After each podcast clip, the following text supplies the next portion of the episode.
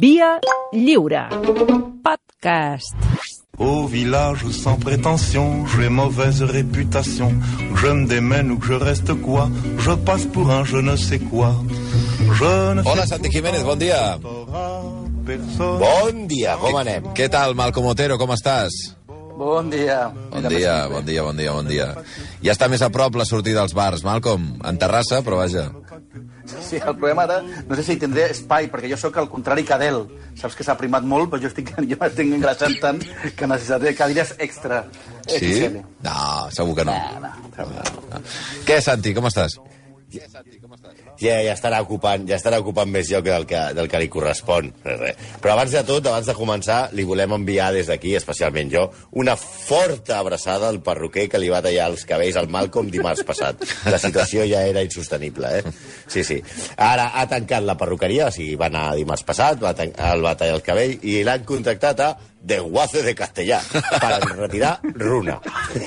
Es veu que el tio ara prefereix desmuntar peces de ciment armant amb les mans abans que tornar a ficar-se amb aquella palambrera. Vull dir, perquè, perquè fa a mi res, cap novetat, més a més d'experimentar el dolor màxim de les agulletes per haver sortit a córrer, Sí? que vaig Oh. recuperar les sabatilles de la mili del meu pare, sí, perquè no, que, evidentment no, no en tenia.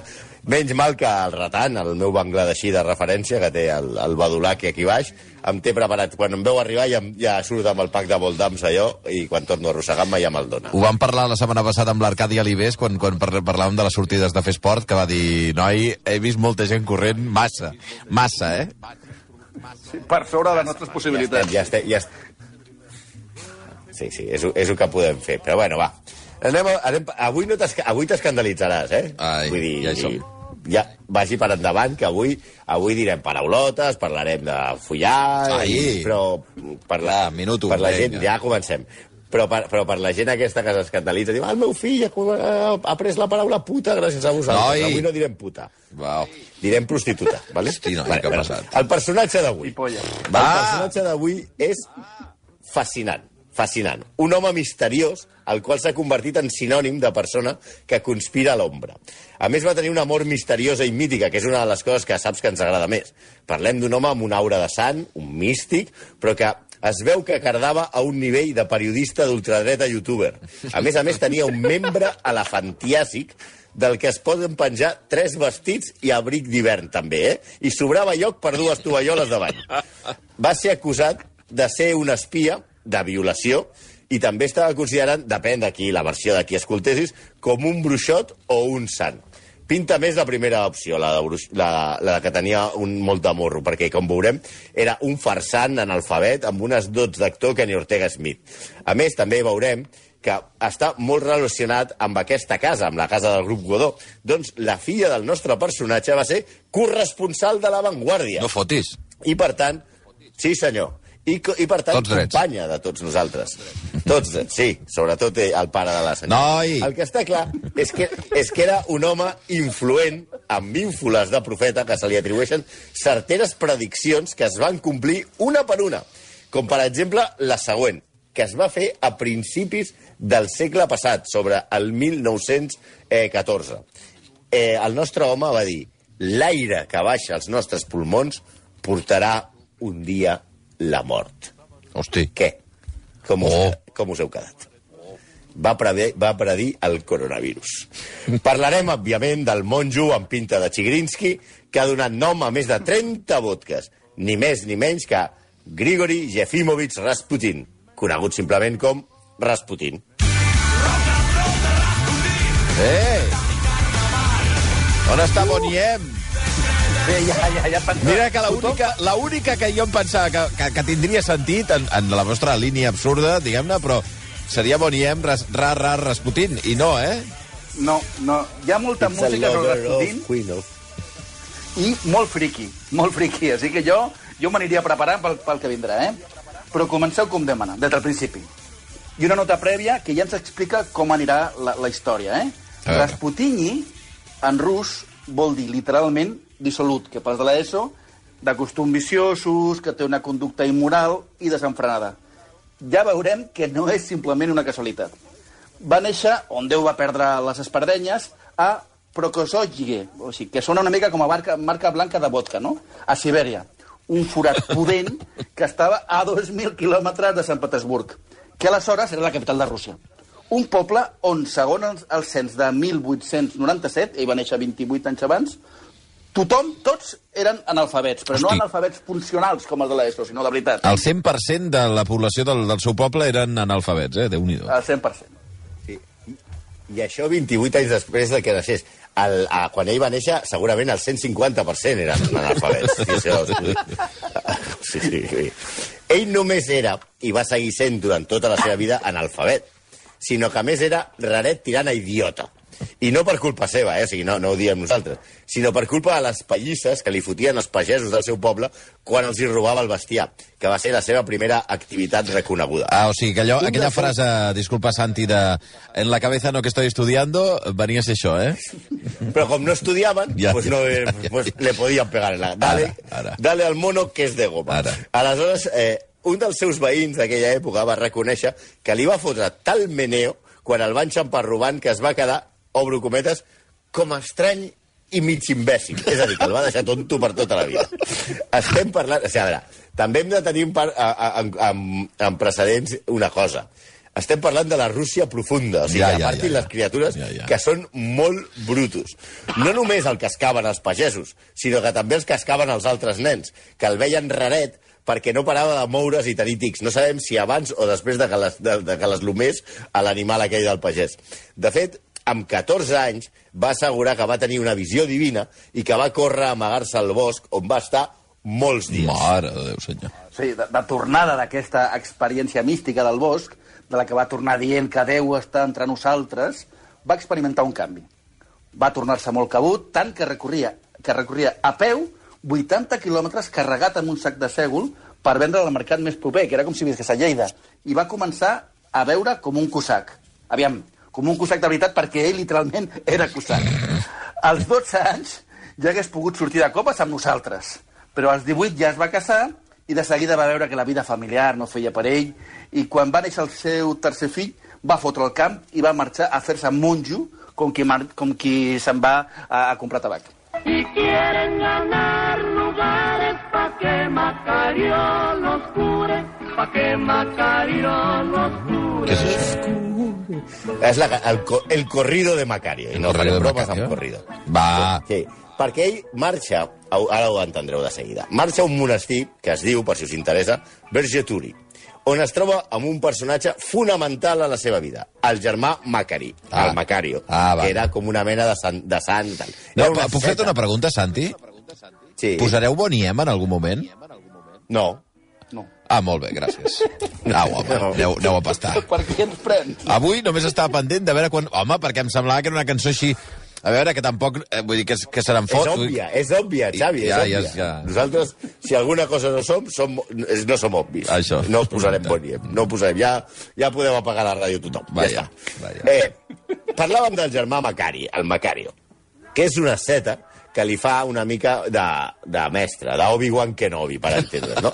Però a, el que passa és que en lloc d'anar amb el sable làser, i no estem parlant del rabo de, de, de Rasputin, Macari, estem parlant de Macari, Macari anava amb una cadena amb la que es anava fotent hòsties ell mateix com a penitència. Ai, ai, ai. I és que Rasputin va entrar mitjançant aquest Macari a la secta dels Iliti, I- Iliti els flagelants, traduït. No t'ho has inventat, no? Iliti. no, no. Ili, iliti. Els fla... que vol dir flagelants, els que, el- els que, els que es, es massacren ells mateixos. Era una sèrie de tipus raros que entenien que per arribar a la- a l'experiència màxima de la fe feia falta dolor, com anar a sortir a córrer quan no estàs preparat. Però que un cop ja s'havia patit, això s'havia de celebrar amb orgies de tots contra tots. Ole! Ole! Viva, viva Iliti i viva el pare Macari.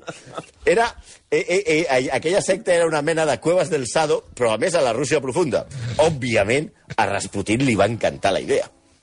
Sí, a més, Macari, Macario, Toma Moreno, va tenir Noi. una gran influència en Rasputin. No podia evitar, Xavi. Mentre va estar amb ell, per fer penitència, va deixar de beure i de menjar carn. S'entén que parlem de carn morta animal, perquè les altres opcions es van posar Sí, les sí, bosses. sí, s'ha entès, s'ha entès. Va, Com vinga. diria George Best, ja sabeu que George Best va dir que jo vaig deixar de veure l'any 69 i van ser els pitjors 20 minuts de la meva vida, per això igual. A les estones lliures al, al monestir, és a dir, entre orgia i orgia, intentava ordenar-se eh, mossèn, però era inútil. La tasca i ell. El monjo Iliodor, tots tenen aquí noms com de Joc de Trons i Hodor i tal, no? va ser qui va instruir-lo i va desesperar. No aprèn res, és més brètol que una soca, va dir. Atenció, Iliodor, que és un personatge molt important en aquesta història, amb Ilior. Sí, Iliodor, que sortirà molt en aquesta història, va, portar, va ser qui va portar Rasputin a Kazan, on el, que, ciutat que vam descobrir perquè el Barça va Sí. sí. jugar un parell de vegades, no fa massa. Sí. Allà hi havia un gran centre eclesiàstic, és a dir, un monestir. Bé, o sigui, com el cort inglès, però amb molts capellans, no? Uh, si bé com a capellà era un desastre perquè no sabia, com hem dit, no sabia ni escriure ni gairebé llegir, el seu carisma, el carisma de Rasputin, era immens. No només el carisma, més coses ja veurem que eren. Bueno, I, i tenia molta memòria i recitava les escritures només havent-les sentit. A més, aquesta aura de místic els cridava molt l'atenció. Ja sabeu, aquesta pinta que tenia amb els cabells llargs, tenia els ulls, els ulls blaus... Eh, era, era, un, era Chigrinsky, eh? Sí. Bueno, jo, jo, jo convido la gent que busquin fotografies, perquè n'hi han. Eh, efectivament, aquesta mirada d'ulls penetrants, i que jo mateix dic la paraula i m'equivoco. Penetrants és la paraula. eh, d'ulls blaus intensos i, i barba i cabells llargs i una cosa així, sí. Chigrinsky amb cabells blaus i, i amb altres Té, atributs. té, té uns ulls com per posar-se a quatre potes. Va! Aleshores, Ahí! Mira, noi, mira. Noi, fins aquí, eh? A veure... És que no pot a ser veure, això. A, a, És que no pot a l'arximand... Avui aprendreu moltes paraules, també, i altres ja les sabíeu. ser. L'arximandrita, l'arximandrita és el canonge d'un monestir ortodox. És a dir, és el, el canonge, però com si fos el, el, el guitarra de ZZ Top, no? Amb una barba Sí, així com sí, molt sí. llarga. L'arximandrita de Kazan, que es deia Feofan, i això no és una cançó de Sabina per la rima complicada, Feofan es va quedar molt impressionat amb ell. Al igual que els altres monjos, ja hem dit, el Liliodor, i un altre que es deia Hermògenes, que després va obrir un gran restaurant a Saragossa. Ells van ser els que van obrir-li les portes a Rasputin de la cort del Tsar. I mai arribarien a penedir-se prou. El que va començar com una gran amistat va acabar pitjor que que Inés Arrimadas i que Juan Carlos Girauta. Entrem ara mateix en el misteri de Rasputin. Bona nit, amics del misteri. Bona Sí, màgica nit. Avui, Rasputin. Sí, amics. Rasputin va encaixar... No. Va, tira, Ah, tira. Rasputin va encaixar directe, va perfectament a la cort.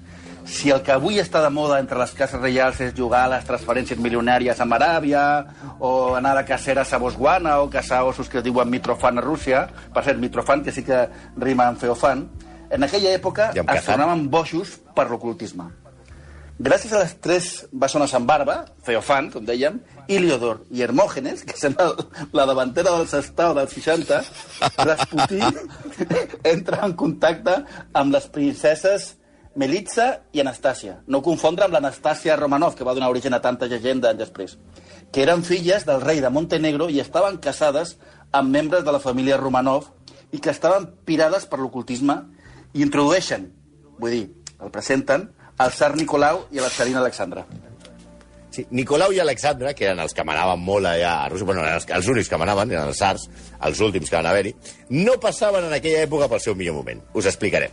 Estaven molt preocupats perquè no tenien fills barons, fills mascles. Havien tingut quatre filles, Olga, Tatiana, Maria i Anastàcia, que no és un anunci d'aquests de relax de les, de les pàgines de darrere dels, dels diaris, sinó és, són les filles del tsar. Eh, I l'Anastàcia, a més a més, és la famosa aquella que dèiem de la pel·lícula de dibuixos animats. A, a veure, tenir quatre filles en aquests països era una vergonya, i més pel, pel tsar, perquè no tenia un hereu que, que tingués el tro. Finalment van tenir un nen, el Zarevich Alexei, però de seguida van veure que alguna cosa anava malament de salut. Després del part, el llombrígol del nadó, quan li van tallar el cordó umbilical, va sagnar durant dos dies. No cicatritzava ni es parava l'hemorràgia. Ai. El petit, havia heretat l'hemofília, enfermedat de que tenen moltes cases reials i que venia de la família materna de la, de la Serina Alexandra, que era descendència alemanya. Detall important pel que vindrà després. I, a més a més, era neboda de la reina Victòria d'Anglaterra. En aquella època, l'esperança de vida d'un hemofílic era de 14 anys. Per tant, Rússia es quedaria sense un successor al tsar, perquè, evidentment, ni Olga, ni Tatiana, ni Maria, ni Anastasia tenien cap opció d'heretar el tro. Sí, Rasputin va arribar a l'acord i va impressionar els tsars i va assegurar que, com ell parlava amb Déu, podia curar el Tsarevich. El 1907, enmig d'una hemorràgia molt severa, el van cridar i va aturar la sangonada imposant-li les mans. Miracle! Acabava d'entrar a la cort per la porta gran. Però se sap com ho va fer, això? Bueno, la Serina Alexandra va fer, el va fer... Ja, ara després ja veurem qui, qui, quines són les, les, les, les teories, no? Però la Serina Alexandra, de moment, el va fer el seu conseller de confiança i va encomanar-li l'educació del, del petit Sarevich. La qüestió és, passat els anys, com tu deies, com, com es va fer això? Com es va fer? Descartem, no? De moment descartem la intervenció divina per lògica i perquè ja van fer el exactament número 100 i sabem com les gasta. Mm. I perquè el tipus, com veurem ara, era un farsant.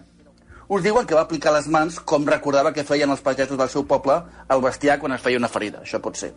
Els altres que simplement va, tran va tranquil·litzar el noi i va deixar de sagnar, i altres que va ser xiripa. que és el més probable. El cas és que la seva importància a la cort va anar creixent. El 1912 va arribar a curar una altra hemorràgia al mig- que aquesta era molt greu perquè estava preparat un comunicat per, a, per dir que, es- que s'havia mort, Ai. mitjançant dos telegrames. El Sarevich estava a Sant Petersburg de sagnança i, i Rasputin estava a Sibèria. Sí, eh, que hi va enviar dos, dos telegrames dient tranquils que es cura, i es va curar. Òbviament va ser xiripa. El seu ascens a la cort es correspon, a més, amb una molt mala època del tsar. El poble comença a malfiar del, del, del tsar, el que tenien com, com si fos el, el pare de la pàtria russa, perquè ha perdut la guerra contra Japó. I la fama de sant del conseller traspassa els murs de Palau. El poble perd confiança amb el tsar, però comença a adorar i a venerar amb un sant aquell camperol amb el que s'identifiquen eh, perquè, perquè és el que mana. Els SARS, òbviament, estan encantats amb ell i el tenen com tenen els presidents de futbol a Jorge Méndez, un tipus capaç de solventar qualsevol problema en qualsevol moment. Mercado d'invierno, mercado de verano, mercado de coronavirus, tot el que sigui. Però, evidentment, a la cort hi ha més gent. Hi ha els ministres i els nobles, i allà sí que no el pot veure ningú ni les princeses que el van acollir al principi, ni el trident del Sestao, Feofan, Iliodor i Hermògenes, ni els polítics estaven. Els SARS només, el fan casa, només li fan cas a ell. I recordant els seus temps de cabra boja, el tio diu, hòstia, Anxes Castilla, i això hi fa el que fan les cabres. Tira pel monte i què fa? Pues es dedica a cardar com un boig i a liar-la, parda no, pardíssima. I ara comença la part de veritat per adults. Els sensibles envieu els nens a pintar. Ai. Doncs bé, fins aquí els execrables d'avui. No cal que entrem en la... En fi, que sí, que, que tenia molta activitat i, ja, i així ho resumiríem. Ah, nah, si no, res, si no, ja, ja veuràs que són, són molt suaus, Xavi. Sou molt suaus. Recordareu, recordareu que a la seva joventut Rasputin va entrar a l'església perquè hi havia orgies. Que hi havia I allà orgies. segui- Sí, sí, sí, orgies. sí, I sí. allà seguia ell. Li picava més la musclera que un concursant de mujeres, hombres i viceversa. I si a sobre tenia pasta, poder, i era el favorit de la cort, i a més a més estava considerat el tio més atractiu de l'imperi, doncs ja us podeu imaginar. No se li va caure l'aparell de miracle. Noi. I com veureu després, no estem parlant de qualsevol cosa. La caixa d'eines de Rasputin era de professional, vinga, eh? vinga. Sí, sí. És, és d'aquelles de que el tio que t'arriba a, a arreglar l'aixeta que tu has intentat arreglar amb una clau anglesa de merda i arriba el tio i tira però bom! I et posa allà davant allò, el, el martell trepant, el no sé què, l'oscilador, tot això. Això era la caixa d'eines de Rasputin. Bé, d'entrada, hem de tenia tota una justificació filosòfica al seu comportament i fins i tot mm, eh, eh, una, una justificació eh, elevada a l'altíssim perquè ell creia que s'havia de pecar però pecar molt ell mateix diu, obro cita, s'han de cometre els pecats més salvatges perquè aleshores Déu sentirà més felicitat al perdonar a un gran pecador. Oh, quina estafa. Molt. Quina estafa de comentari, eh? com a argument, com a argument no està malament. L'home, sí, clar, perquè si no tens ningú... Què O sigui, clar, salvar la Què gent. Perdonar. No? Perdonar. I, i, i, I salvar i salvar a gent, a gent com tu, pues, això no té mèrit. En canvi, salvar Rasputin, que era un desgraciat i que pagava molt, això sí que fa feliç a Déu. I ell es va entestar en fer molt feliç a Déu. Des de 1911, a més a més, sabem de les seves andances, perquè la, a, els polítics rivals fan que la policia el segueixi. I el seguiment per part de la policia és desopilant. Eh, descobreixen que s'ho tira tot i que té una, una activitat sexual d'estrella del Bagdad. Seguita Ai. amb les principals dames de la cort. Insinuen que fins i tot entre les seves amants està la, la pròpia Sarina. Però també el tio té una, una afició molt, molt gran, que és que contracta prostitutes. Però quan diem prostitutes és moltes prostitutes. Volquetes de putes. El Noi. tio eh, és, la, és la festa de Ronaldo cada dia. Fins a tres... O sigui, eh, contracta fins a tres eh, prostitutes al dia, fins i tot després d'haver estat al llit amb les seves amants. Més que Rasputín, era el expediente Rasputón. No, oh, oh, oh lamentable. Fins i tot Lamentable. li, re- Lamentable. li, regala, li regala una prostituta al ministre de l'Interior per tal de subornar-lo i que el deixi tranquil. Però al tanto, que la cosa es complica, eh? Hi ha molts historiadors que defensen que en veritat no li agradaven les dones, que podia ser homosexual o impotent, o les dues coses. El que feia era anar moltes dones per amagar la seva, la seva, la seva veritable orientació sexual. La policia russa pren declaració amb moltes prostitutes que havien estat amb ell i que eh, relaten que a l'hora de la veritat el que els feia un petó al front, eh, baixava del llit i es posava a pregar de genolls... Vull dir, que el que buscava era una experiència religiosa. Ja. Sí, això amb les prostitutes, que, que ell allò, després de tots els preliminars, després deia, i ara entra a matar? No, no ara anem a pregar. Amb les senyores de la cor es limitava a fer uns massatges especials, que deia ell, és a dir, una palla. Noi. I les deixava, i les deixava en èxtasi. Oh, per favor. Les deixava en èxtasi, Prou. després les feia pregar amb ell. Sí. Ell, no obstant, deia que preferia, i per això venia també els informes de la policia sobre la seva homosexualitat, que preferia fer els mateixos massatges, és a dir, les palles, Ah. per tal que arribessin a un èxtasi religiós. El monjo Iliodor, el d'abans, a la torna, el seu superarxienemic, el va fer espiar també. I va classificar les seves relacions íntimes amb dones en quatre categories. Una, senyores a les que només petonejava. Dues, senyora a les que banyava. Tres, senyores a les que els hi espantava el dimoni mitjançant massatges. És a dir, que ja sabeu de què estem parlant. Mm. I unes poques... Era un, era un satisfier amb barba, el tio. I unes poques amb les quals sí que copulava. Molt poques, perquè ell, en el fons, atenció, de qui estava enamorat era del gran príncep Félix Yusupov, que era bisexual i parent del zar, i l'home més ric de Rússia, i probablement l'home més ric del món en aquella època. I, a més a més, l'home que planejaria el seu assassinat. Sí,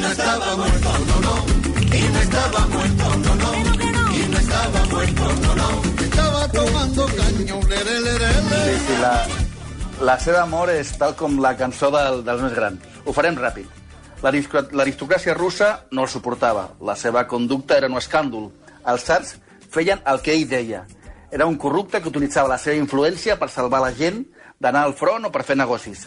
I a més, creixia la sospita de que ell i la tsarina, que era d'origen alemany, estaven conspirant per tal de que Rússia canviés de bàndol a la Primera Guerra Mundial. Van decidir acabar amb el tema a la russa, carregant-se'l. Sí, no era la primera vegada que el volien assassinar, eh? El 1911, un místic tan zumbat com ell, anomenat Kozelski, el va, li va fer una trampa i el va atacar amb una església amb unes tisores per intentar de mirar de tallar-li la carn d'olla, mentre els seus arxienemics, Iliodor i Hermògenes, li donaven cops en el cap amb una creu de fusta. Joder. I a l'altre intentant aixecar-li la, el, la sotana per tallar-li la- el pardalet no, no se'n van en sortir. El 1914, una dona sense nas, que l'havia perdut a causa de la sífilis, que probablement també li podia haver contagiat ell, va intentar apunyalar-lo, també enviada per Iliodor. I ell va sortir viu dels dos atemptats. I del tercer, que seria el definitiu, gairebé ho aconsegueix, gairebé. Sí, sí, pels pèls, perquè el príncep Yusupov es va liar amb el Santi Abascal de la Rússia d'aquells dies, el diputat ultradretà Purishchevich i el duc Dimitri Pavlovich, per organitzar-li una trampa mortal. Però una trampa mortal una mica marca Acme. El van fer anar al palau de la dona de Yusupov, que si recordeu era el noble bisexual mort platònic de Rasputin. Li van dir que la seva dona el volia veure, però que ara no podia, que estava fent una festa i el van fer baixar al soterrani. Per fer-li creure, per fer creure que la festa est- era de veritat, van posar un gramòfon a sobre per simular la rave. Mentre esperava li van servir uns pastissos enverinats amb cianur, com per ma matar un monestir sen- sencer, eh? tal com va escriure el propi Yusupov a les seves memòries. Vale. Estem, tenim a Rasputin al, al, al saló, el gramòfon al pis de dalt, fent veure que hi ha una, una festa, i li diuen, senyor Rasputin, mentre, mentre arriba a la festa i baixa la, la baronesa, la princesa, vostè vagi menjant els pastissos. Es menja, que estaven amb cianur. Es menja un, no passa res. Es menja dos, no passa res. Ai, ai, ai. I diuen, hòstia, aquest tio no s'ha mort. Mentre menjava li diuen, fota-li vi, fota-li vi que li agrada i també amb cianur. A veure si palma. Es fot una copa, res. Es fot dues copes, res. I a la tercera, i hem de pensar que el tio ja venia carregat de casa, el tio, en lloc de morir, diu Nene, dame una guitarra. I va començar a cantar. El príncep, el príncep i el duc, clar, òbviament es van posar nerviosos. Per dir, hòstia, estem enverinant aquest tio i l'únic que està fent és endrapar com una berra i a sobre s'està agafant una taja i ara està cantant tot borratxo amb la guitarra. Aleshores diuen, com ho arreglem? A la russa. I li van fotre dos trets. Directament, ja diu, mira, s'han acabat els pastissos, el vi amb cianur i tal, anem per la Volíem ser civilins? Escolta, bé, aparta. Aparta, quita la guitarra que voy yo. Sí, Sí, sí. Aguántame el cubata, que esto lo acabo yo. Ja està bé, aquí. Dos trets. I ell cau. Però quan es van apropar a veure si havia palmat, imagineu-vos el tio allà estirat a terra amb la barba i tal, el tio, pam, obre els ulls i s'aixeca i surt corrents. Segons el relat de Yusupov, que es va escriure a les seves memòries titulades L'home que va matar Rasputin, aleshores Rasputin salta per una finestra. I va ser Purixievich, el, el Santi Abascal de, de Rússia, el que el va rematar. Li foten un tiro. El foten amb un cotxe, i això estem parlant del dia 16 de desembre a, a Rússia. I van a- al riu Nevà i fan un forat al gel i el tiren al riu del, i el tiren al, al, al gel, al riu, i que se'n vagi. Troben el seu cos quilòmetres més en baix, a baix del riu. I a l'autòpsia determinen que va morir, però que va morir ofegat. El mite, que no estava muerto, que estava tomando canya, creixia. També s'ha teoritzat molt sobre la seva resistència al cianur. I hi ha diverses teories. S'ha dit que ell ja sabia que el volien matar i que prenia precaucions.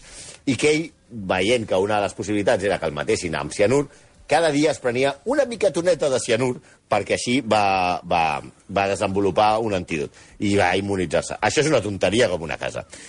Uh, també es va dir que el cianur estava en mal estat, cosa que pot ser possible. També es va dir, i aquesta és bastant més probable, que com era un alcohòlic de manual i un tipus que, que deixava John Belushi com un tio que no bevia, no tenia àcid a l'estómac i que patia unes gastritis de cavall. I que el cianur no va fer reacció perquè el cianur només reacciona quan, quan es barreja amb els àcids de l'estómac. I a més a més li donaven pastissos. És a dir, si us voleu carregar algú, no el mameu i no li doneu pastissos. I després, els assassins, i aquesta és l'opció més... Van veure que el cianur, no sabien que el cianur igual tria una miqueta i eh, es van posar nerviosos i van dir fota-li dos tiros i acabem ja. Sí, sí, com sigui, això és el mite que va escriure Yusupov a les seves memòries. La realitat, segons va descobrir el 2010 un programa de la BBC Time Watch, que es diu Time Watch, el que se'l va, el que se'l van carregar van ser els serveis secrets britànics amb l'ajuda de la pitjor tripleta d'assassins de la història mundial. No volien que influís en, la, en, en, en que Rússia canviés de bàndol en plena guerra mundial. Però no sabien todavía que aún hay más, perquè en la seva mort naixia una altra llegenda. Una llegenda de la polla. Noi, I no és una figura metafòrica, és una llegenda de la polla, perquè el seu cadàver va ser enterrat i desenterrat després diverses vegades durant la revolució bolxevic. Per què? Perquè el poble busca, bus, el buscava, perquè es sospitava que a Rasputin l'havien enterrat amb un, amb, el, amb un tresor de, de gran vàlua. Finalment, després de, de que la gent anés fent forats per tots els, a tots els jardins de Sant Petersburg, Kerensky, el, el revolucionari rus, el va desenterrar i el va fer cremar amb uns als forns. Però el va cremar tot o faltava la part que més fama li havia donat? Aquí comença la llegenda de la cigala de Rasputin. Sí, el seu suposat penis es pot contemplar avui en l'actualitat conservat en formol al Russian Museum of Erotica de, de Sant Petersburg. És una peça de 30 centímetres que va voltar per tot el món fins que l'uròleg Igor eh, Kinyakin el va comprar un antiquari francès per 8.000 dòlars després de que el pardal aquest recorregués mig món. Mai, mai millor dit, el pardal. A veure, anem a les teories. Uns diuen que els seus assassins li van tallar en el moment de matar-lo, que no és, no és veritat. Altres que, quan estava mort, el va trobar la dona a fer feines i va dir, esto es papi. L'altre que les infermeres que li van fer l'autòpsia, al veure aquella meravella, van decidir que això no es podia enterrar i que s'havia de conservar. El cas és que va, es va formar una llegenda i després de la revolució bolxevic del 17, unes nobles exiliades russes a París el tenien amb un altar. És en aquella època quan Maria Rasputina, la filla de Rasputin i corresponsal de La Vanguardia, inicia una campanya per tal que el membre, mai millor dit, de la família, o sigui, el membre de la família, el membre del membre de la família, li sigui retornat. No sé quina, quina, quina, quina, quina cosa tindria aquesta companya nostra de La Vanguardia amb tenir el rabo al seu pare al menjador, però bueno, Ai, eh, ja és per tot. Rasputina va morir a Califòrnia el 1977 i és aleshores on es perd la pista de la cua en qüestió. Fins que un antiquari francès, anomenat Michel Agustín, diu que l'ha trobat amb una bossa, juntament, més quin lloc per guardar-lo, amb manuscrits de la seva filla que havia comprat en una tenda de vell a París. I el subhasta a la casa Bonham, fins al que el 1994 l'uròleg rus el compra i l'exhibeix al museu. Òbviament, el que hi ha al museu no és el, la titola de Rasputin. No és, el, o sigui, és fals, però la, la història és collonuda i et fa molta ràbia. La Rasputin, de fet, era més gran. Sí. Bueno, eh, inenarrable el, el que ha passat avui. O sigui, no... Superat totes les previsions. Uh, en fi, doncs que descansi en pau Rasputin. Home, tan tranquil. Tan Sí bé que- va fer a la humanitat Sí. i va fer tan feliç a tanta gent. Exacte.